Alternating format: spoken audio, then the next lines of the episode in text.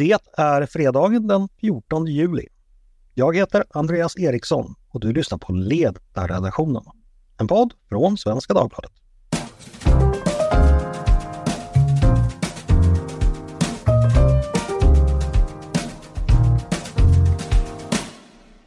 Varmt välkomna tillbaka till oss på Ledarredaktionen igen. Det är fredag i Sommarsverige, det vackraste av länder. För vad kan väl Elysiums blommande ängder eller Arkadiens mjuka kullar sätta upp mot en prunkande sommarhage i ett Sverige i juli som smeks av sälla vindar från sydväst och där solens flacka bana precisionsbombar gräs, blommor och snår med sina citrongula UV-strålar. Vad kan väl lycksalighetens öar vid den dimmiga horisonten eller Sarados palats och tempel bland sina snöklädda toppar ställa upp mot det Sverige som i dessa dagar öppnar sig för oss. Från norr till söder, från fjälltopp till strandbank, från de karga skären mot det salta Västerhavet till Torneås sandgula mynning i öster. Jag var precis på en kort runda här på min egen ö här i Stockholms yttersta skärgård och besåg det landskap som legat likadant för människornas blickar allt sedan dessa öar en gång steg upp ur havet. Jag såg samma skär, fjärdar och sund som Apraxins kosacker skådade den där onda sommaren för 300 år sedan då brandröken sköt upp täta plymer över kustbygderna. Samma grynnor, bränningar och kobbar och holmar som blev det sista av svenskt land som Gustav II Adolfs knektar såg på sin väg från Älvsnabben till kriget i Tyskland i söder.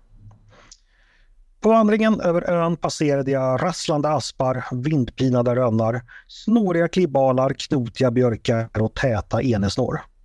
Mina fötter rörde sig över lavklädda klippor, rödslimmiga hällar, över skrever med redan gulnat och förtorkat gräs, mellan stånd av gulmåra och ängsklockor, förbi täta flockar av renfanor med svarta kakor av löss längs skälkarna, över snår av nypon, av slån, hallon och björnbär, förbi på utslängda ängar i sänkorna där röllika, kråkvickor, smörblommor, midsommarblomster, blodnäva och prästkragar trängdes med ris av blåbär, lingon, odon och kråkbär.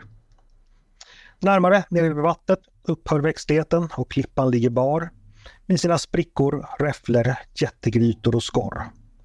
Fältspat, kvarts och glimmer skänker mönster och nyanser till mjuka hällkar och taggiga flyttblock och diabasen stiger djupsvart upp ur sina skrever. Nere vid själva vattenranden där dansar snorgrönt sjögräs under den solblixtrande ytan och ute på fjärden går mjölkvita gäss som makligt bryter över kobbarna som skyddar viken där blåstången vänligt vaggar i vågorna. Längre ut på de obebodda holmarna flockas tjutande tärnor och skrikande måsar och trutar och en och annan mäktigt framglidande havsörn. Svan och ejderfamiljer skjuter fram i prydliga flockar mellan klipporna där sälarna imposant vilar i solen på sina slemmiga hällar i väntan på nästa tur ner i djupet för att plundra ett och annat piggvarsnät eller strömmingsgarn på dess fångster. Horisonten grumlas i soldiset och det är bara knappt som Oxelösunds järnverk anas i väster och vattentornet i Trosa i nordväst. Åt öster ligger havet öppet, bara en Gotlandsfärja på sydlig kurs några containerfartyg på väg mot Norviks hamn och så Gunnarstenarnas granitgrå profil som skymmer sikten mot horisonten. Och i söder riktar fyren på Landsorts bredgrund ett orange finger mot skyn. En första markering att här börjar och slutar landet. Här börjar och slutar Sverige. Allt är med andra ord som det alltid har varit i detta lilla land när juli går mot sin middagstid och det snart ringer för helg och vila i detta gamla rike. Beläget längst i norr långt från Elysiums ängder och Lycksaligas öar, men dock ändå så kärt. Vad som också är mig mycket kärt, det är mina kollegor på Svenska Dagbladets ledarredaktion. Just idag heter de Linnea Duba, John Norell och Adam Yngve. Välkomna alla tre! Tusen tack! Tack så mycket! Oj, tänker ni som lyssnar. Ingen Tove, ingen Peter, ingen Mattias och ingen Paulina. Mm. Bara den där fåniga redaktören med en massa ungdomar. Hur ska det gå? Det ska nog gå bra, tänker jag. Eller vad tror du Linnea? Klarar vi det här? Jag tror att vi klarar det här. Även om du sitter ute på din ö i Stockholms yttersta skärgård så tror jag att det här kan bli ett väldigt bra samtal. Mm. Framförallt så sitter ju ni inne i stan och har kontroll över tekniken så att ni kan ju vid lämpligt tillfälle ta över helt enkelt och köra ett eget race ifall, ifall ni tycker att så krävs. Mm, så kanske det blir. Jag har lovat dig att inte använda ljudeffektknapparna. Jag lovar än en gång att Ja. inte använda ljudeffektknapparna. Men vi vet var de sitter. Ja, och används de så Linnea kan du skylla på, på John eller Adam. Ja, exakt. Eh, Linnea har haft en bra vecka. Det har jag, verkligen. Um, hunnit både läsa och skriva och vara ute i sol och regn. Kan man önska sig något mer? Det är toppen. Du John, stort välkommen hit. Hur har din första vecka på sommarjobbet varit? Tusen tack. Det har eh, varit eh, jättekul. Jag har ju eh, verkligen, det har varit utmanande. Jag har ju skrivit texter varje dag och det har varit eh, eh, ja, utmanande, kul. Jag känner att det är väldigt ja, men trevligt, trevlig arbetsplats och väldigt trevliga kollegor så att jag trivs här jättebra. Eh, hur var det du? Visst, visst jobbade du med en sväng också förra sommaren? Nej, det gör jag inte. Nej, det gjorde du inte, men du har däremot varit med i podden tidigare. Ska Det har jag varit. Det har varit. Så, men kan inte du bara kort för, för lyssnarna berätta lite om dig själv? Vem är du? Um, vanligtvis om dagarna så doktorerar jag i nationalekonomi på Stockholms universitet, så det är det som, eh, som jag tar en paus, eh, lite semester ifrån nu under sommaren och har kommit hit till, till svenskan. Ehm, min bakgrund är precis som, som Linnea har en bakgrund i Fria Moderata studentförbundet som jag var ordförande för eh, under pandemiåren. Så Mm. att det, det, jag har en liten så politisk bakgrund också, men, eh, men eh, Ja, det, det är lite um, kort om mig. Jag kommer från Vara i Skaraborg, så att eh, jag har flyttat upp hit till, till storstan nu. Vara som har en mycket bra ostaffär vill jag minnas. Ah, ja, visst, Sivans. Ja, precis. Mm. Eh, dit kan man gå ifall man har vägarna förbi. Eh, Adam, du podddebuterade förra veckan. Eh, kändes det bra? Det kändes mycket bra. Kul att vara tillbaka igen. Har du fått några reaktioner? Nej, det har jag faktiskt inte fått. Nej. Förutom från eh, internt då, så att säga. Ja. De försöker tiga ihjäl dig, men Ja. du får kämpa vidare. Du, det var ju så att du vann vårt lilla quiz. Hur, hur kändes det? Ja, hur var det med den saken egentligen? Vi kanske kommer till Ja, det. hur var det med den saken egentligen? Eh, Linnea, grymt lurad igen i quizsammanhang. Vi ska prata mer om det sedan, men, men är det så att du har domaren emot dig tror du? Jag räknar med det, men eh, motgångar som man kan förutse kan man lättare leva med. Jag räknar med att förlora även den här veckan. Men jag tycker om det ändå. Vi återkommer till den här orättvisan och inkompetensen senare. Vi drar igång med veckans ämnen.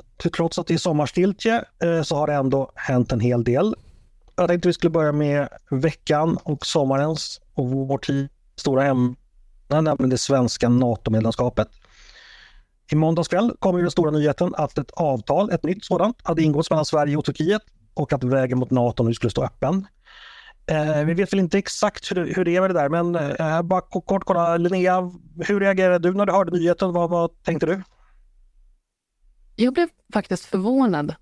Um, jag hade väl förlikat mig med någon sorts eh, försiktig pessimism. Jag hade inte räknat med att någonting skulle hända i Vilnius. Så att någonting faktiskt hände var ju positivt, kanske inte skäl för glädjedans riktigt, riktigt än. Men eh, ett litet glädjetjut blev det väl ändå. Jo- John, har, har Tove bjudit på någonting att fira med i veck- i veckan? Ehm, nej, men, men ehm, jag tror att det blev nog ta en öl där på kvällen när beskedet kom ändå, för att, för Mm. att fira. Det blev det. Ja. Men vad tror du då John? Hur, hur, hur stort steg är det här? Hur, hur nära är vi nu? Oj, alltså jag pratade med en politikreporter här på, på Svenskan, jag tror det var samma dag, och, och han sa det, ja men jag håller på med NATO hela dagen. Eh, men det känns lite märkligt att här, ringa runt till experter som under ett års tid liksom har som hela tiden gjort fel i liksom sina förutsägelser. Så jag vet inte om jag riktigt vågar säga någonting eh, egentligen om, om, om framtiden, eh, annat än att eh, äntligen, nu, eh, nu nu är det dags. Nu, nu ska vi med i NATO. Adam, vågar du säga någonting? Orden som ringer i mitt huvud är ju så snart som möjligt. Det är ju den eh, frasen som upprepas. Ingen vet riktigt eh, vad det betyder just nu. Men det är ju det som har undertecknats i det här dokumentet mellan Sverige och Turkiet just nu att det så snart som möjligt kommer det ratificeras. Och det hoppas vi förstås på. Det har ju kommit lite olika besked från Tobias Billström och från eh, Turkiet de senaste dagarna. Men vi följer förstås detta. Hörrni, vi ska prata, eh, gå vidare och då så ska det bli musik och rättvisa, denna underbara kombination. Eh, vi ska nämligen prata Taylor Swift eh, och hennes pågående turné The Eras Tour som når Sverige nästa år. Eh, det är då en enorm världsomspännande turné som går över eh, alla världsdelar. Eh, den påbörjades redan i, i maj i år. Och John, du har skrivit om det här och lyckats få det här till en diskussion om jämlikhet, rättvisa och marknadsekonomi minsann. Mm. Berätta, vad har Taylor Swift med detta att göra? Ja, men att, så, det var ju tisdag som de här biljetterna släpptes till de tre konserterna som kommer att ske nästa sommar. Um, mm. Och eh, alltså jag hade ju helt underskattat vilket enormt, uh, alltså vilken fanbase hon har här i Sverige. För det var liksom, mitt sociala medier liksom fylldes med folk som är överlyckliga att uh, de hade fått biljetter. Um, och det som jag reflekterade var liksom att det var liksom en helt annan ton än än det brukar vara i så sociala medier, eller bara medier eller, eller liksom överlag när det kommer till så här rika människor. För att eh, Taylor Swift är ju liksom en av de mest framgångsrika artisterna i världen. Eh, mm. Och jag såg en nyhet om att uh, den, här, den här turnén eh, troligtvis kommer att slå världsrekord som den mest inkomstbringande turnén någonsin. Mm. Och jag funderar på att, att anledningen till varför man brukar prata så, eh, prata ner, liksom, snacka om, om, ja, om övervinster och, och utsugning när det kommer till de här frågorna. Ja, men det handlar ju liksom om en, en, en att man har liksom en, en grund i någon rättvisesyn som ofta fokuserar på utfall, att man, man tittar på fördelningen av inkomster eller, eller förmögenheter i samhället och utifrån det uttalar sig om, om ja, önskvärda skillnader och sådär. Och då uppfattar man ju liksom de här skillnader i inkomster eller förmögenheter, att det är det som är liksom problemet. Men man inte har någon reflektion kring hur de här skillnaderna har uppstått. Um, och eh, då använder jag i min text då, den här tankeexperimentet som, som Robert Nozick använder i, i, um, i Anarki, stat och utopi, där han skriver om Will Chamberlain, den här väldigt kända, då kända basketspelaren. Jag vet inte om kanske han är så himla känd numera, men Nej, det är på 70-talet det här. Jo, precis, precis. Ja. Nej men att um, om vi nu tänker oss en värld där vi har liksom fördelat de här eh, inkomsterna eller förmögenheterna helt och hållet rättvist, hur man nu vill definiera eh, rättvisa utfall. Kanske mm. att alla har exakt lika mycket. Mm. Om då så Taylor Swift um, sätter igång och turnerar runt i världen, um, då kommer ju Eh, då kommer ju eh, ojämlikhet att uppstå. Eh, därför att människor, om vi nu respekterar människors fria val att göra vad de vill med sina pengar och miljontals människor, fans, väljer att ge Taylor Swift sina pengar för upplevelsen, liksom konsertupplevelsen under den här turneringen, eller turnén. Mm, just det. Då, då, då är det liksom, med respekt för, för det så borde ju det vara en, en, en rättvist att, att då hon får eh, liksom mycket pengar, att hon blir liksom, eh, rikare än många andra. Eh, om staten istället skulle försöka liksom, minska klyftorna genom att försvåra de här frivilliga utbytena. Till exempel. Ta, ta, ta tillbaka biljettpengarna helt enkelt och ja, sprida ut dem. Ja. Mm. Då, har man ju, då har man ju liksom um, begränsat människors möjlighet att, att göra vad de vill med sina pengar, att bestämma själva över sin ekonomi och sina inkomster. Eh, och eh, ja, liksom det som jag eh, skriver om i texten och ehm, min, min reflektion, att, att eh, ehm, det är så här marknadsekonomin fungerar. Sättet som man blir sådär eh, oerhört rik som Taylor Swift, det är genom att du erbjuder en tjänst eller en vara som andra människor värderar högt och som de är villiga att betala mycket pengar för. Eh, och eh, ja, det kan man ju kontrastera mot till exempel hur det är i en eh, så kleptokrati som Ryssland där sättet att bli sådär sluskigt rik där är genom att du känner rätt personer. Att du spelar spelet och klättrar i den politiska hierarkin. Um, och ibland så ser man ju sådär folk som uttalar att, eller tycker att liksom, svenska miljardärer är lika dåliga som ryska, liksom, eh, ryska oligarker. Och det är så jag vet inte, eh, intellektuellt, eh, liksom inte särskilt intellektuellt klarsynt eller moraliskt, eh, jag vet inte, deras moraliska kompass känns inte helt eh, eh säker där. Så att eh, eh jag vänder mig helt, helt enkelt emot den typen av syn. Eh, alltså, marknadsekonomi leder till tillväxt, men det är också rättvist. Mm. Eh, ska du förresten själv gå på någon av de här konserterna? Nej, jag ska inte det. Alltså jag, jag, är inte, jag är inte ett så um, Swift-fan. Eh, vad kallas de? Swifty. Swifty. Ja. Är det någon mer som är det? Nej. Det är inte, jag är faktiskt inte det heller, men uh, nu när jag satt och förberedde podden då, som, ja, jag är mycket äldre än er och hänger ju inte alls med i musiken, men jag satt faktiskt och lyssnade en del på er och tyckte det var uh, Ja, det. riktigt bra. Så Ja. jag kanske går den vägen så småningom. Eh, jag vad ni andra tycker. Adam, som John säger så är det ett klassiskt exempel då som redan No- Nozick använde att så att säga, man har rätt att göra vad man själv vill med, med sin egendom så att den snedfördelning som sen uppkommer, den är i alla fall då skapad av eh, fri, fritt handlande.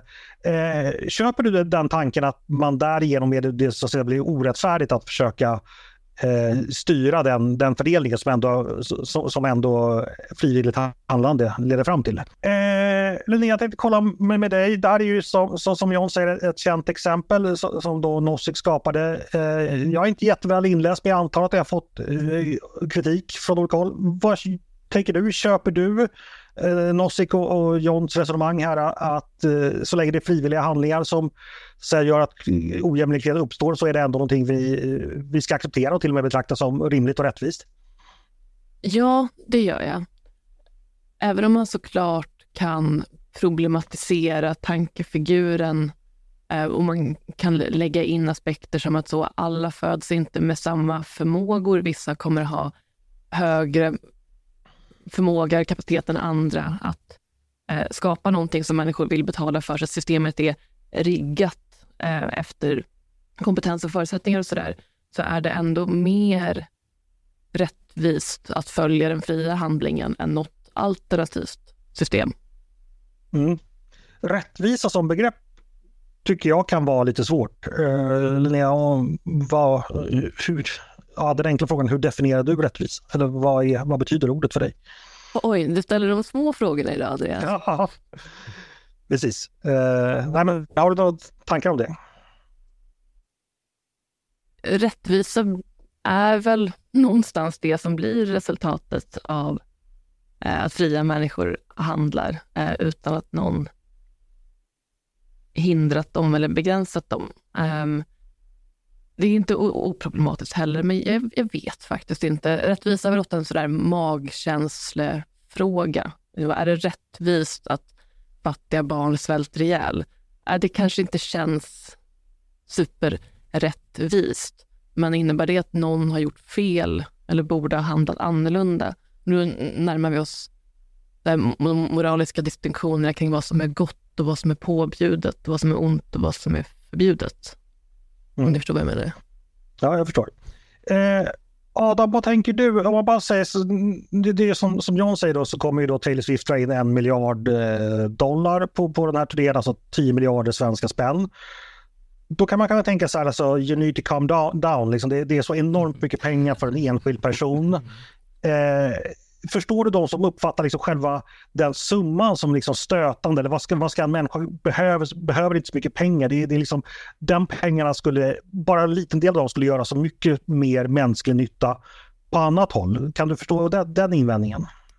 Ja, jag kan förstå den, men jag håller inte med om den. För ett argument emot brukar annars vara att det ska vara åt var och en efter behov, men det ska också vara efter förmåga. Och de två begreppen är inte alltid helt lätta att definiera ens av de som säger så. Var börjar, vem är det som har störst behov egentligen? Liksom? Är det, som Linnea säger, svältande barn? Men då är ju på något sätt alla i någon slags global överklass i förhållande Mm. till det. Då, Mm. då får vi nästan ge upp, vi som sitter här, våra pengar också. Så var ska man liksom dra de här relativa gränserna någonstans? Uh, Nozick han skrev ju sin, sin bok eh, som svar på en annan eh, filosofs uh, tankar, nämligen uh, Rawls, då, där det handlade om eh, en annan syn på rättvisa där man pratar om en slöja av okunskap eh, som då ska ligga för, för en. Eh, John, vad var, ja, ytterligare en liten fråga. Vad tänker du om Mm. dispyten Rawls, eller diskussionen Rawls-Nozick? Vad landar du där och vad tänker du om, om Rawls position? Alltså jag är ju, jag är ju team Nozick liksom i den där konflikten. Då. Um, alltså, precis. Rawls hade ju en tankefigur så att om vi, om vi alla är bakom eh, slöjan, vad kallar de det? Kunnigheten. Okunnighetens slöja. Att, att vi inte vet var i samhället vi kommer hamna, så kommer vi alla på något sätt komma överens om vilket system eller, eh, som skulle vara det mest rättvisa. Och eh, det tror jag inte på. Jag tror inte att, att vi bakom okunnighetens slöja ens skulle kunna komma överens om, om vad för typ av, av fördelning som skulle vara det mest rättvisa. Då tror jag det är rimligt att, att eh, diskutera just processen, eh, proceduren, hur, eh, hur förmögenhet skapas och hur, eh, hur mänskligt handlande, eh, så reglerna för mänskligt handlande, eh, liksom, institutionerna liksom, är det viktiga för att försöka förstå vad som är rättvist och inte. Mm. Okej, och den här texten vi pratar om nu, den publicerades väl idag om jag minns rätt? Jajamensan, Mm. det stämmer. Jag ska, jag ska passa på att erkänna att eh, jag själv inte läst Robert Noziks berömda bok. Eh, så där var jag tvungen att visa upp min okunskap. Look what may you made me do. Ja, men, men då, då har du en perfekt anledning att, att läsa den. Ja, precis. Mm. Eh, jag tror att när jag gick Stureakademin för nu 20 år sedan, då skulle man läsa den, men jag tror jag hoppade det, den, det kapitlet. Hoppsan. Eh, vi ska gå vidare och då ska vi lämna Taylor Swift och ta steget till FN. Linnea, du har skrivit om detta i veckan eh, med anledning av ett möte som FNs eh, så kallade råd för mänskliga rättigheter haft. De antog en resolution där man förklarade att brännande av religiösa skrifter utgör ett religiöst hat som man kräver att medlemsländerna omedelbart ska göra oss olagligt och straffa de som utför dem. Eh, Linnea, du är inte jätteimponerad av den här eh, resolutionen och kritiken från FN. Varför inte? Nej, precis. Jag är inte det. Och många av anledningarna äm, ligger redan i din äm, föredömliga och koncisa sammanfattning. Alltså, kritiken eh, kan man egentligen rikta på flera olika punkter, både vad gäller innehållet och processen och institutionen som sådan. Vi kanske ska börja i den änden. FNs råd för mänskliga rättigheter finns ju sedan 2006, samlar 47 länder som granskar eh, upp och följer upp arbetet med eh, mänskliga rättigheter i alla världens länder. Ehm, systematiskt, men man kan också göra sådana här extra insatser om man tycker att det uppstår en akut MR-situation som man behöver hantera. Och det låter ju bra. Mänskliga rättigheter är viktigt och så. Ehm, Mm, så är det ju. Men tittar man på vilka länder som sitter i det här rådet och vad de i praktiken ägnar sig åt, så tappar um, Rådet för mänskliga rättigheter ganska mycket um, auktoritet och status. Alltså, många av de här 47 länderna är direkt auktoritära stater. Både Kina och Kuba sitter i det här rådet. Ryssland blev utsparkade bara förra året, tror jag. Um, och resultatet blir att Rådet för mänskliga rättigheter många gånger blir en politisk arena för auktoritära stater att tvätta rent sitt rykte och att slå på andra ehm, snarare än att granska sig själva kritiskt. Mm. Så att, För, för det finns ju en tanke, du, du skriver ju så här att, eh, du ska citera dig, tanken med att involvera stater med väldigt olika grundhållning i det globala människorättsarbetet är att säkra en bred legitimitet och, och att uppmuntra även problematiska stater att ta sitt ansvar. Det låter väl ändå som en kanske klok tanke, men den funkar inte heller? Det låter ju absolut som en klok tanke på ett sätt. Man får fråga sig vad alternativet skulle vara, att helt stänga ute eh, den majoritet, får man ändå säga, av världens länder som inte är västliga demokratier. Samtidigt kan man involvera eh, andra länder i samtalet på olika sätt. Liksom. Ehm, det globala systemet är jättekänsligt. Eh, länder är väldigt olika. Och en förutsättning för att FN-systemet alls ska funka är nog att man måste göra en del kompromisser. Man måste jobba eh, på de villkor som så många som möjligt går med på. Men det är en sak. Och att, men att ha en um, centralt FN-sanktionerad um, institution, ett organ, för att granska och med mandat att utdela kritik, då tycker jag att man ska ställa lite högre krav på vilka som kvalificerar sig för att sitta i rådet. Och det, är, det är en kritik som har funnits länge. Jag minns där eh, Fredrik Malm exempelvis, um, den liberala uh, riksdagsledamoten, har väl länge propagerat för att man borde göra om det här systemet med uh, så. Man uppställer objektiva krav, man behöver uppfylla för att få sitta i rådet. Um, så att det då skulle få en annan tyngd, en annan legitimitet. Uh, som det ser ut nu så får man kandidera ganska fritt. Platserna fördelas efter geografisk grupptillhörighet, som det heter. Tänk världsdelar. Um, men intresset för att sitta i det här rådet varierar ganska mycket. Vilket innebär hård konkurrens från liksom den europeiska gruppen uh, medan i andra delar, typ den asiatiska, så är det så få sökande så de som, de som söker får plats, liksom, även om det är, säger Ryssland.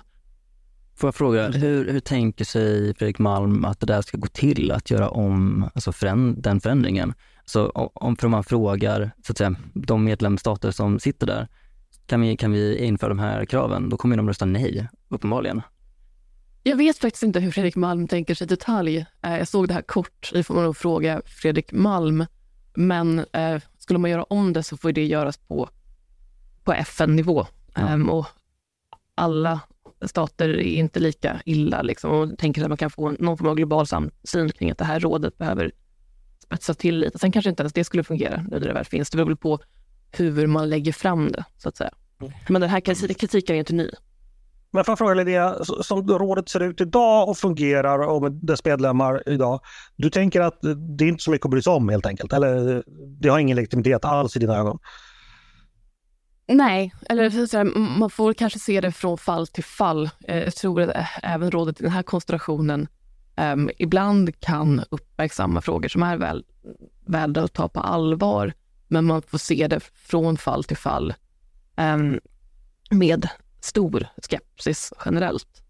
För, för, att fortfarande är det ju så att FN kritiserar Sverige för XXX. Eh, det är ju ändå någonting som folk ändå tar på allvar. FN är ju fortfarande en organisation med ganska hög legitimitet i svensk offentlighet, föreställer jag mig. Eller vad, vad tänker du om det? Jo, så är det ju. Eh, det var lite därför jag kände ett behov av att skriva den här texten som publicerades i måndags, och uttalet kom i tisdags. FN är en stor aktivitet i den svenska liksom, debatten. Eh, man firar FN-dagen i skolan, jag tror man fortfarande gör det. Och, så, och rubrikerna blir FN riktar kritik. Och då klumpar man liksom ihop allting i den här aktivitetsfiguren FN på ett sätt som man inte riktigt kan göra när det handlar om FN som internationellt organ och internationell auktoritet, just för att det finns den här sortens nyanser. Samtidigt skulle jag säga att kring det här så har rapporteringen och diskussionen varit betydligt mer nyanserad. Eh, I princip alla nyhetsartiklar man har läst har ändå tagit upp att Rådet för mänskliga rättigheter har ofta kritiserats för att det består av delvis auktoritära stater. Och så det, finns en problematiserande insikt i just den här frågan som kanske är utlyst just av att det är koranbränningar i Sverige mm. som redan är debatterat som kritiseras och man vet att det är Pakistan som har kallat till mötet och hela den grejen. Eh, men det är välkommet och jag hoppas att det får fler att tänka så oftare. Mm. Adam, firade du FN-dagen i, i skolan och hur påverkade det i så fall dig? Det gjorde vi faktiskt, men jag kan inte säga att det har påverkat mig jättemycket, varken till det positiva eller negativa. Um, men det är ju som Linnea är inne på i sin text, att det verkar finnas flera FN, så att säga. Man får skilja lite på FN som uh, konfliktlösande organisation, vilket är Även om det inte är perfekt på något sätt så är det ändå en legitim institution som vi faktiskt behöver. Och sen har du den här andra delen som verkar vara mer någon slags opinionsbildande format för auktoritära stater att använda sig av på olika sätt. Um, och det tror jag att man måste ha i åtanke, att man skiljer på de två. Mm. Hörni, nu Fellow Kids ska er onkel Andreas berätta en historia. Eh, jag växte upp på 1900-talet, långt före ni föddes. Och då var ju NATO-medlemskap något man skrämde barn med, tillsammans med reklam-tv. Eh, och då var FN-dagen en enormt stor dag i, i skolan. Vi samlades i gympasalen och sjöng sånger och läste dikter om eh, nedrustning och, och så vidare. Och så finns det också en, en populär historia som jag vet är sann. Jag tänkte det skulle vara intressant att höra om någon, någon, av er upplevt det. Det var då att barnen i skolan då, det här skedde inte i vår skola men jag har hört rykten om det, delades upp då där eh, vissa då fick eh, lajva u-länder under dagen och fick då, då några nävar ris i, i skolbespisningen. Några fick den lite tråkiga men dock präktiga maten från öststaterna. En fick äta den visserligen rikliga men djupt onyttiga och omoraliska amerikanska snabbmaten och en grupp fick fortsätta vara svenskar och äta fiskpanetter med gräddfilsås. Har någon av er varit med om det här eller hört talas om detta? Nej, Inte alls. Nej. Gud vilken bisarr situation. Vad är det här för vänsterpropaganda? Det där med all, allsång i gympasalen och eh, rita teckningar om fred och klippa ut duvor och sånt där känner man igen. Det Men det här med mat, skolbespisningar är någonting annat. Det här kan ju, det här kan ju vara en ill, illasinnad myt om DDR-Sverige, så för jag har själv inte varit det. Men, men ni som lyssnar, ni vet gärna om ni kan bekräfta att ni själva varit med om detta och kanske till och med hade oturen att hamna i, i u-landsgruppen då som fick äta två skedar ris. Hör gärna av er och, och berätta om det, för då skulle vi kunna faktiskt Mm. fastslå att det här har ägt rum. God dag, det var producenten här. Jag tänkte bara berätta att det har åtminstone ägt rum under min högstadietid på Sjöparksskolan i Gällivare. Och där gick det så pass långt så det tog sig rent revolutionära uttryck. Nu fick inte vi ris utan det såg ut så att halva elevgruppen fick tårta och andra halvan knäckebröd. Och då var det en kille i den här u-landsknäckebrödsgruppen som blev så upprörd över den flagranta orättvisan så han tog helt sonika sin knäckebrödsskiva och drämde den i huvudet på en av tårtätarna. Så kan det också gå när man ska försöka illustrera globala orättvisor på lite klumpiga sätt. Det var allt från mig. Glad sommar på er så länge. Nu åter till mina kollegor i södern. Hörni, vi ska gå vidare och då ska jag gå till dig Adam. Eh, du har intresserat dig för skolan på sistone och på måndag kommer en text om den som tar sin utgångspunkt i den utredning som skolminister Lotta Edholm förra veckan gav tilläggsdirektiv till. Det är en utredning som heter Utredningen om vinst i skolan. Eh, där man nu bland annat ska utreda vinstförbud och eller vinststopp i olika situationer. Vinststopp, viktigt. Precis. Eh, Adam, vad är det du skriver om detta? Jo, jag satt ju och lyssnade lite på pressträffen förra veckan och vi tog upp den lite kort eh, i podden också. Så jag tyckte att eh, det här är något som vi behöver skriva om. Dels för, med tanke på sakfrågan i sig är väldigt intressant just med borgerlig friskolepolitik. blir allt mer aktuellt även på eh, ledarsidor på vår kant om man får säga så. Det finns en slags intressant split här um, som jag försöker dels ta upp lite grann i texten, men jag noterar även att det är en större fråga eh, runt omkring i debatten också. Och sen just det här att de så otroligt hårt trycker på vinstfrågan eh, och att den lyfts upp som det viktigaste av allt och att det är just vinsten som blir på något sätt skolans största fråga. Och dels tycker jag att det är lite grann att borgerligheten går in i någon slags sån här helomvändning som vi känner igen från andra frågor, att nu springer alla åt samma håll.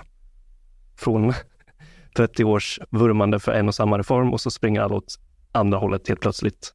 Eh, tycker jag är intressant att notera i sig. Mm. Och så vill jag även peka på att ja, visst, det kan ju vara jättebra att man utreder detta, för det finns ju faktiskt otroligt mycket problem i friskolesektorn som man måste vara eh, uppmärksam på och det är fullt legitimt att man utreder det.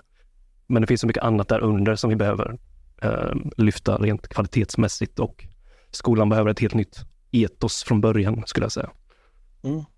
Men, men vinstfrågan då? Menar du att det är ett irrblås, det är ett skenspår? Det, det spelar ingen roll för, för skolan? Jag tycker det, jag är inte emot att man utreder det på något sätt, men jag tycker att det finns ju andra konkreta reformer som vi kan göra här och nu istället för att vi ger oss in i en återvändsgränd just eh, med tanke på att vinstfrågan har utretts tidigare. Eh, 2016 av Ilmar Reepalu till exempel. Eh, så jag vet inte vad ska, vad ska utredningen tillföra som vi inte redan vet?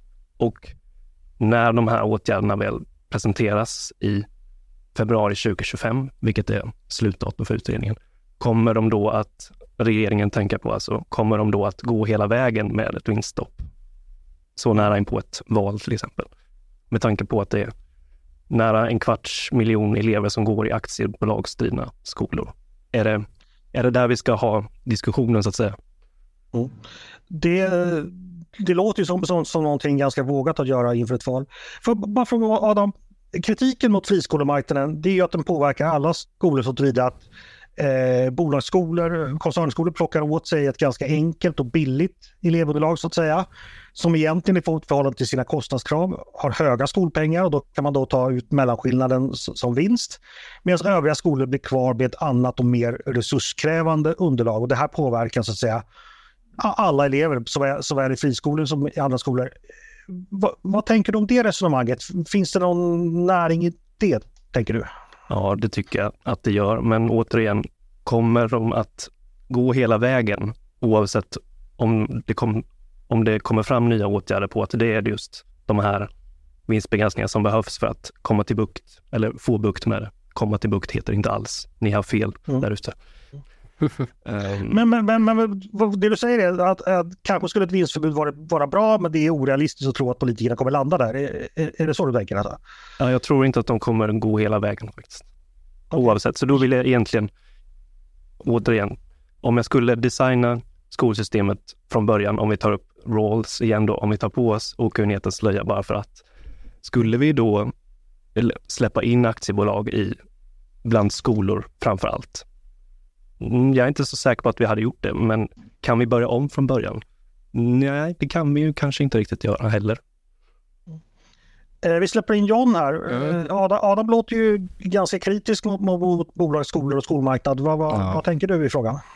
Alltså, nu har jag, nu, jag har inte tagit del av, uh, av, jag var inte liksom med på presskonferensen, men, men, men vad jag hör, alltså jag tycker att det är cringe. Alltså, var, varför, varför pratar regeringen i de här termerna? Alltså, i den att företag som inte går med vinst, de förlorar ju helt sin möjlighet att, att kunna locka till sig resurser för att kunna utveckla och expandera sin verksamhet.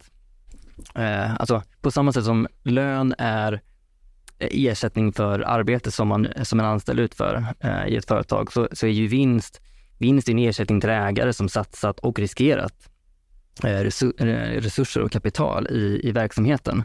Alltså när, när liksom en, en ett, ett aktiebolag går in och, och bygger eller liksom investerar i en skola, det är pengar som kommunen hade ändå behövt, liksom, om man skulle bygga en egen skola, behövt lägga in de pengarna.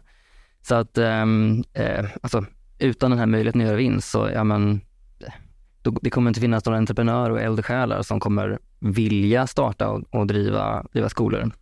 Och det är inte så mycket pengar heller det handlar om. Det är typ så 3 procent eller något sånt där som, som, eh, som är genomsnittliga vinsten hos, hos, eh, i den svenska friskolesektorn. Alltså i relation till avkastningskrav eh, liksom på, på, på den fria marknaden så är det ganska lite. Eh, så att, um, och då får man också ta i beaktande att de betalar också vinstskatt på, på de pengarna.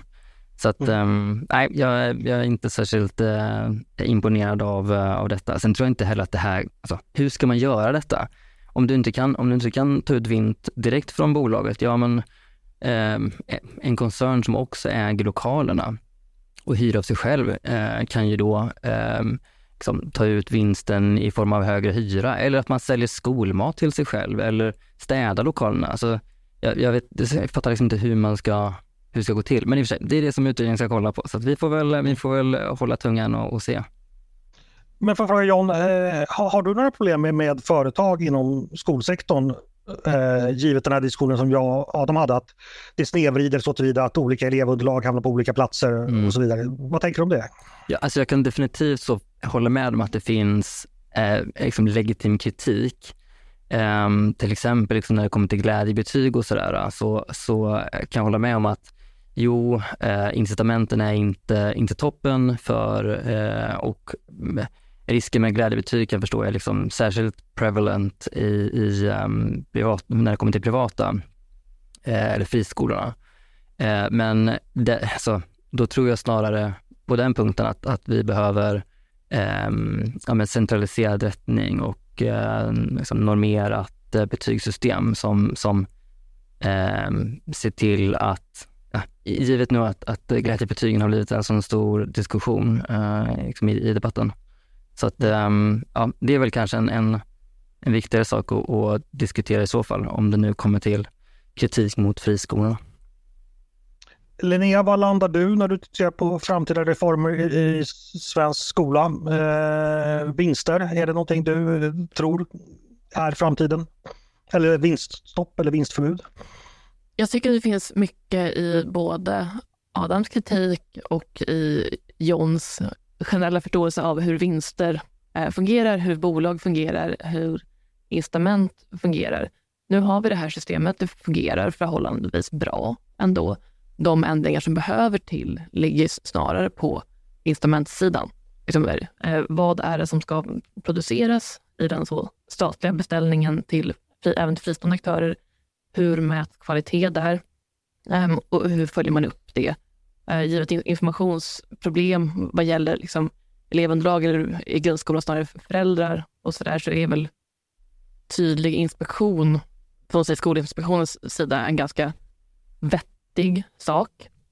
Um, och centraliserad rättning, uh, man kan rent av laborera med ersättning beroende på liksom, kunskapsförädling, eller man ska säga. Så att så, skolor som lyckas förbättra sina elevers resultat i förhållande till var de befann sig innan mm. premieras. Um, då kan man exempelvis tänka sig att man kan komma runt det här som du var inne på. Vissa skolor samlar det enkla elevunderlaget för att det kan vara eh, ganska lönsamt att ta eleverna som har underkänt ganska brett och istället eh, jobba upp dem till godkänt eh, i förhållande till mm. att så spetsa på och, eh, och A-barnen och låta dem strömma igenom lättare. Det är en god poäng. Incitament fungerar. Incitament fungerar. Man ska också säga det att eh, om man tittar på direktiven lite noggrant så står det också att ja, det beror lite på hur man läser, men det verkar ändå som att eh, regeringen riktar in sig på nyetablering, att vinststoppet ska gälla inom de närmaste åren efter att en skola har etablerats. Därefter är det möjligt att, om man nu läser det på rätt sätt, att det kan ändå finnas en väg runt att få gå med vinst i alla fall. Och också, äh, som jag har förstått det, äh, i vissa, gällande det här med vinststoppet, att man ska hindra vinstuttag när en skola är sig under utredning eller har fått allvarlig kritik för att kvaliteten inte håller. Mm -hmm. Och just den biten kan jag tycka känns mm. rimlig. Ja. Där, kan du inte leverera, ja, då ska du se till att kunna leverera eh, innan du gör vinst på skattepengar. Så det är många om och okay. men kvar om man säger så. Så vi får, ja, det blir intressant att följa som man brukar säga. Och det blir intressant att läsa din text också. När läser man den? På måndag klockan sex publiceras den på webben. Då sätter jag klockan för detta. Hörni, eh, det är dags att gå vidare och då tänkte jag att vi faktiskt ska ge oss på ett av mina favoritmoment. Eh, det heter Svar direkt då vi stresstestar våra ledarskribenters politiska reflexer och förmåga att blixtsnabbt skilja gott från ont och sant från falskt. Och det måste man förstås kunna även om man är vikarie eller praktikant. Eh, så då, då, går det helt enkelt till så att jag likt en 20 meters stöt från Sören Tallhem i kvalet skickar på mina kollegor en liknande stöt som kanske eller kanske inte tar dem till final. Till final går man i alla fall genom att försöka ge ett kort och binärt svar genom att svara ja eller nej, vara för eller emot. Helt enkelt ge svar direkt. John, har du hört och eh, lyssnat på den tidigare så du vet hur det här går till? Um, jag har hört podden förut, det har jag gjort, absolut. Uh, men, men, men nu när du, det här hade jag faktiskt inte tänkt på att det här skulle komma, så att jag är lite nervös. jag, jag har förstått att man, man är alltid i underläge om man är vikarie. Grön lapp, röd lapp, helt enkelt. Ja. Ja, det är bara att bestämma sig och köra på. Eh, ni som har varit ungdomspolitiker, eller ni som har varit det i alla fall, ni är väl vana vid att snabbt tycka till i olika saker. Jag är van att få tänka. innan. Ja, det kommer säkert gå bra. Eh, igår kallade regeringen till presskonferens för man vill ytterligare skärpa migrationspolitiken med en rad olika åtgärder. Bland annat att åldersgränsen för att neka uppehållstillstånd på grund av anknytning höjs till 21 år. Att möjligheten till undantag från försörjningskravet vid anhöriginvandring begränsas och bestämmelserna om uppehållstillstånd på grund av särskilt ömmande omständigheter ska tas bort. Eh, vad tycker du om detta? Vi, vi, får se det här som ett paket helt enkelt. Eh, är det rätt av regeringen att göra det, ytterligare göra det ytterligare svårare att flytta till Sverige? Ja eller nej? Jag vill ha svar direkt. Nej. Nej. Um, vad, um. Ska vi begränsa invandringen ytterligare helt enkelt? Ja. Ja, Okej, okay, då var du eh, ensam röst där. Då får du börja med att plädera för det. Varför måste vi eh, strypa migrationen ytterligare? Mm, minskade incitament att, att, uh, för farliga resor över Medelhavet. Um, jag, jag, tror ju, alltså, i, i, grunden så är jag ju liberal, men, men i nuläget så har vi inte kapacitet för, för att kunna integrera um, eh, så mycket människor som har kommit hit. Däremot så, ja men i grund och botten så tycker jag att vi ska ha eh, en ett, eh, liksom, rörlighet över gränser. Men, men eh, det är för svårt just nu. Gärna rörlighet, men en annan gång. Mm. Eh, Linnea, du håller inte med. Var, varför inte? Jag är väl också i grunden öppna gränser-liberal. Sen har jag pragmatisk förståelse för att givet att integrationen inte har fungerat på väldigt länge, att vi behöver göra begränsningar nu. Samtidigt har vi gjort så mycket begränsningar redan och eh, nivåerna är så pass låga. Även om migrationsministern menar att vi fortfarande tar emot fler än övriga Norden. Jag har inte kollat på de siffrorna själv. Men vi har skärpt reglerna så mycket att de här sista ytterligare stegen för att göra det ännu svårare för barnfamiljer, ännu svårare för kvotflyktingar, eh, ännu svårare på just grunden särskilt ömmande omständigheter. Är så, man vill tä- täppa till varje litet hål eh, och då, då blir det jakt på ett sätt som jag inte tycker är helt sympatiskt. Jag håller med. Ad- Adam, varför landar du där du landar? Ja, du ställer ju frågorna som ja och nej och då säger jag nej på grund av just som Linnea var inne på här på slutet, just med att det är familjeåterförening, att det försvåras. Det är svårt för mig att eh, tycka att det är bra. John, vill du kommentera ytterligare? Nej. Nej. Då går vi vidare. Eh, på NATO-toppmötet i veckan medverkade eh, statsminister Ulf Kristerssons fru Birgitta Ed iförd sin ämbetsdräkt som präst i Svenska kyrkan. Det här har väckt viss kritik, exempelvis för att hon därmed anses representera just Svenska kyrkan i vad som då uppfattas som en politiskt kontroversiell fråga, eh, den om NATO-medlemskap. Vad säger ledarskribenten om detta? Har ni några åsikter om Eds klädsel i sammanhanget? Nej, Ja nej. Nej? Snabba svar. Mm. Ingen, ingen av er tycker det är något konstigt att hon är präst eller eh, att hon är klädd som präst eller så? Nej. Nej, jag tolkar inte som att hon skulle representera Svenska kyrkan bara för att hon har prästkrage på sig. Men, men det var väl Annika Strandhäll som var upprörd och det kanske handlar om att hon sällan ser personer med prästkrage kanske. Tycker ni det är ett problem att Sverige så att säga officiellt representeras som en präst när kyrka och stat ska, ska vara skilda? Nej. Ehm, ja, I så fall kan man snarare problematisera varför eh, statsministergemålen ingår i representationen. Men så fungerar det på de här toppmötena ibland. Det, det måste ha sagts att ta med era eh, fruar eller män och att man då gör det och att personen råkar vara prästvigd. Det, då är det så. Det hör inte till saken. Vi har ju inte riktigt ett amerikanskt system på det sättet att det är regeringschefens eller statschefens partner som har någon slags officiell eh, position på det sättet. Så jag tycker att det var väldigt tydligt att hon representerar sig själv. Om hon blir biskop, bör hon då bara bära kräkla och mässhake på framtida toppmöten?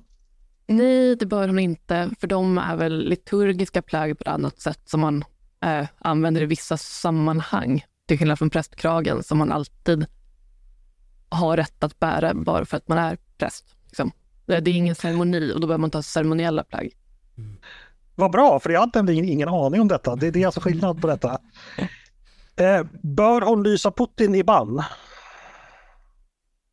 Har hon mandat att göra det? Du som vet så mycket om Svenska kyrkans kvarvarande, vet, vet inte du det? Nej, det gör jag faktiskt inte. Ehm, Det kanske är en fråga för kyrkofullmäktige, eller stift, vad heter det, stiftfullmäktige. Om man, lyser man fortfarande i band från Svenska kyrkans sida? nej, jag Man tror inte att man gör det. Men Ja, någon lyssnare får gärna rätta mig om jag har fel, men jag tror typ bara att det är påven som ägnar sig åt sånt. Eh, och Svenska kyrkan har ju inte dit. Bör man lysa fler personer i band? Nej, hörni, vi, vi lämnar det här. Eh, vi ska gå vidare, för det har blivit dags för mitt stora favoritmoment. Det som vi kallar Är du smartare än en ledarskribent?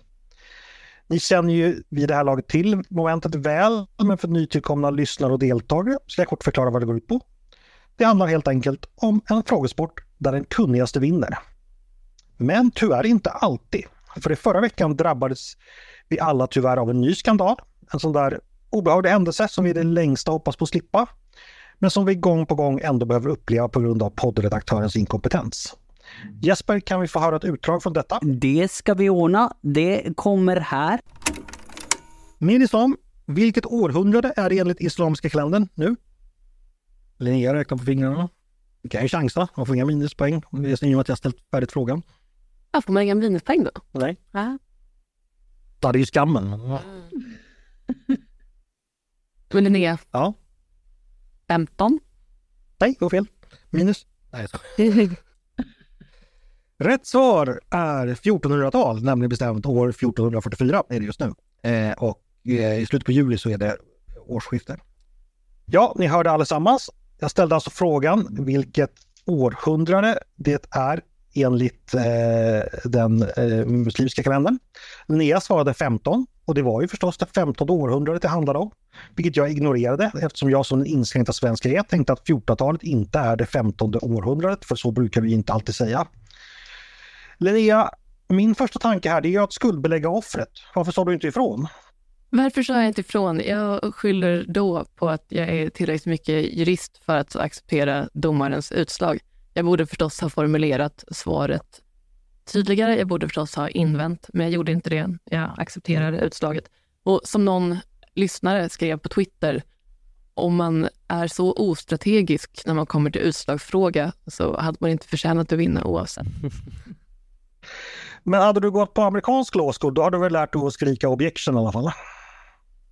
Jo, det hade jag nog gjort. Jag kanske får testa det istället den här gången. Kan man göra det i en svensk domstol Jag tänkte- förresten? Jag tänkte också det. Vad skriker man då? Protest? Eller gör sån här signal VAR-granskning? Inte samma svung. Nej, Jo, det kan man. Sen när det kommer själva domen, så att säga, så får man väl överklaga i nästa instans. Mm. Eller begära resning, men det är svårt.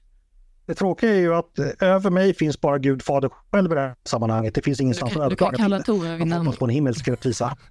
Ja, då är det dags att sätta igång. Reglerna kan ni. Man svarar genom att säga sitt namn.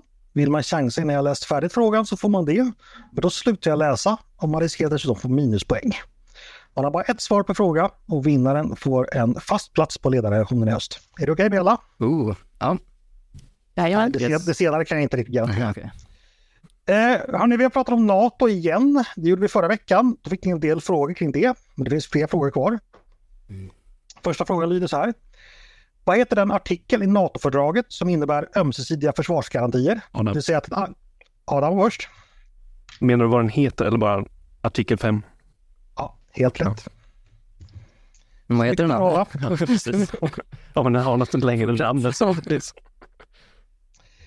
Idag ligger NATOs högkvarter i Bryssel. Från början låg det i London. Men var låg det mellan 1952 och 1967?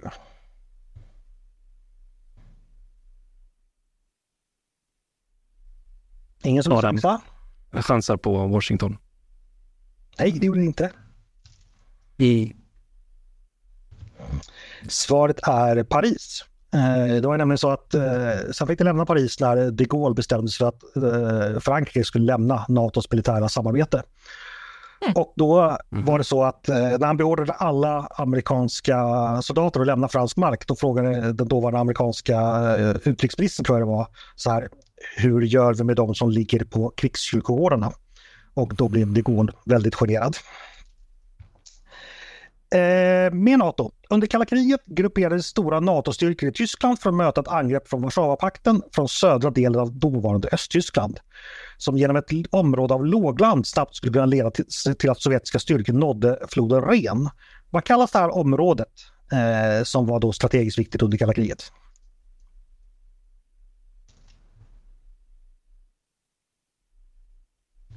Linnea. Det var väldigt svårt. Ja, Sara, Linnea? Var det svårt så... Nej, det kan vi chansa. Jag tänkte bara säga renlandet.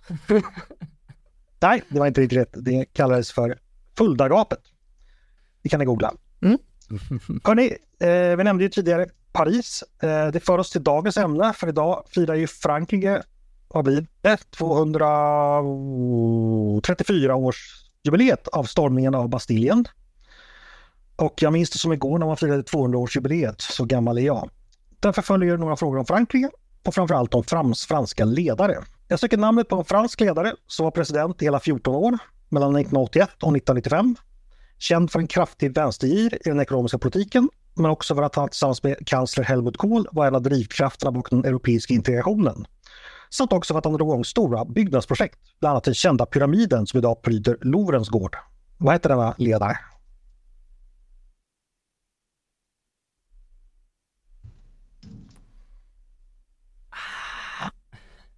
Väldigt känd. Ingen som vill chansa? Nej, han hette François Mitterrand. Såklart.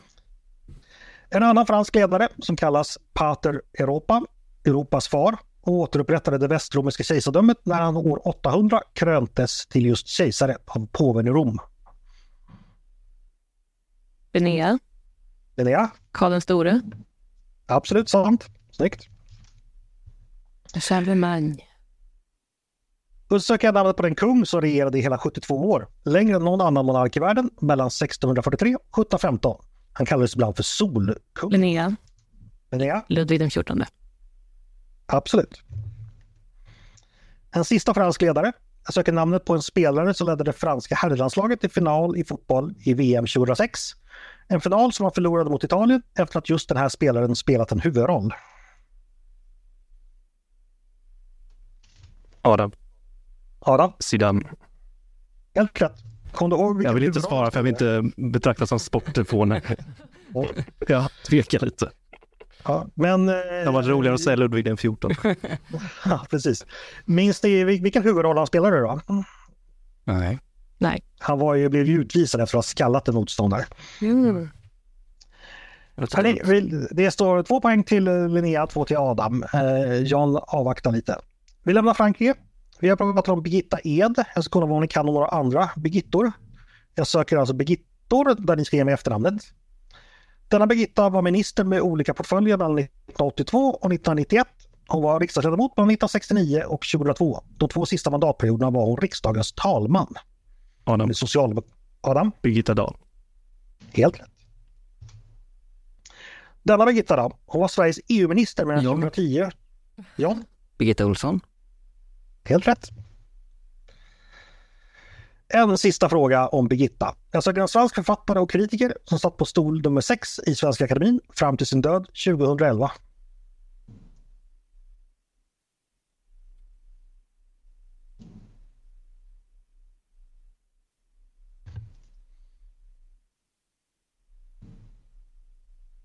Ingen som vill chansa?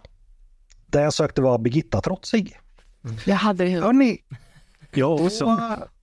då behövs faktiskt ingen utslagsfråga för Adam står för andra veckan i rad som segrare och den här gången eh, på helt eh, legitima. eh, Ja, vi får se. Oh, Oh. Grattis. Snake. snyggt. Hörni, jag avslutar en liten rundfråga. Hur firar ni helgen? Eh, John, har du några speciella planer? Ehm, ja, jag vet inte. Ehm, kanske ta en öl i solen. Blir det någon sol förresten? Kanske inte blir. Jag tror jag, Det blir Ja, sol Hoppas det. och det blir öl. Ja. Det är båda välkomna. Då blir det öl i solen helt enkelt.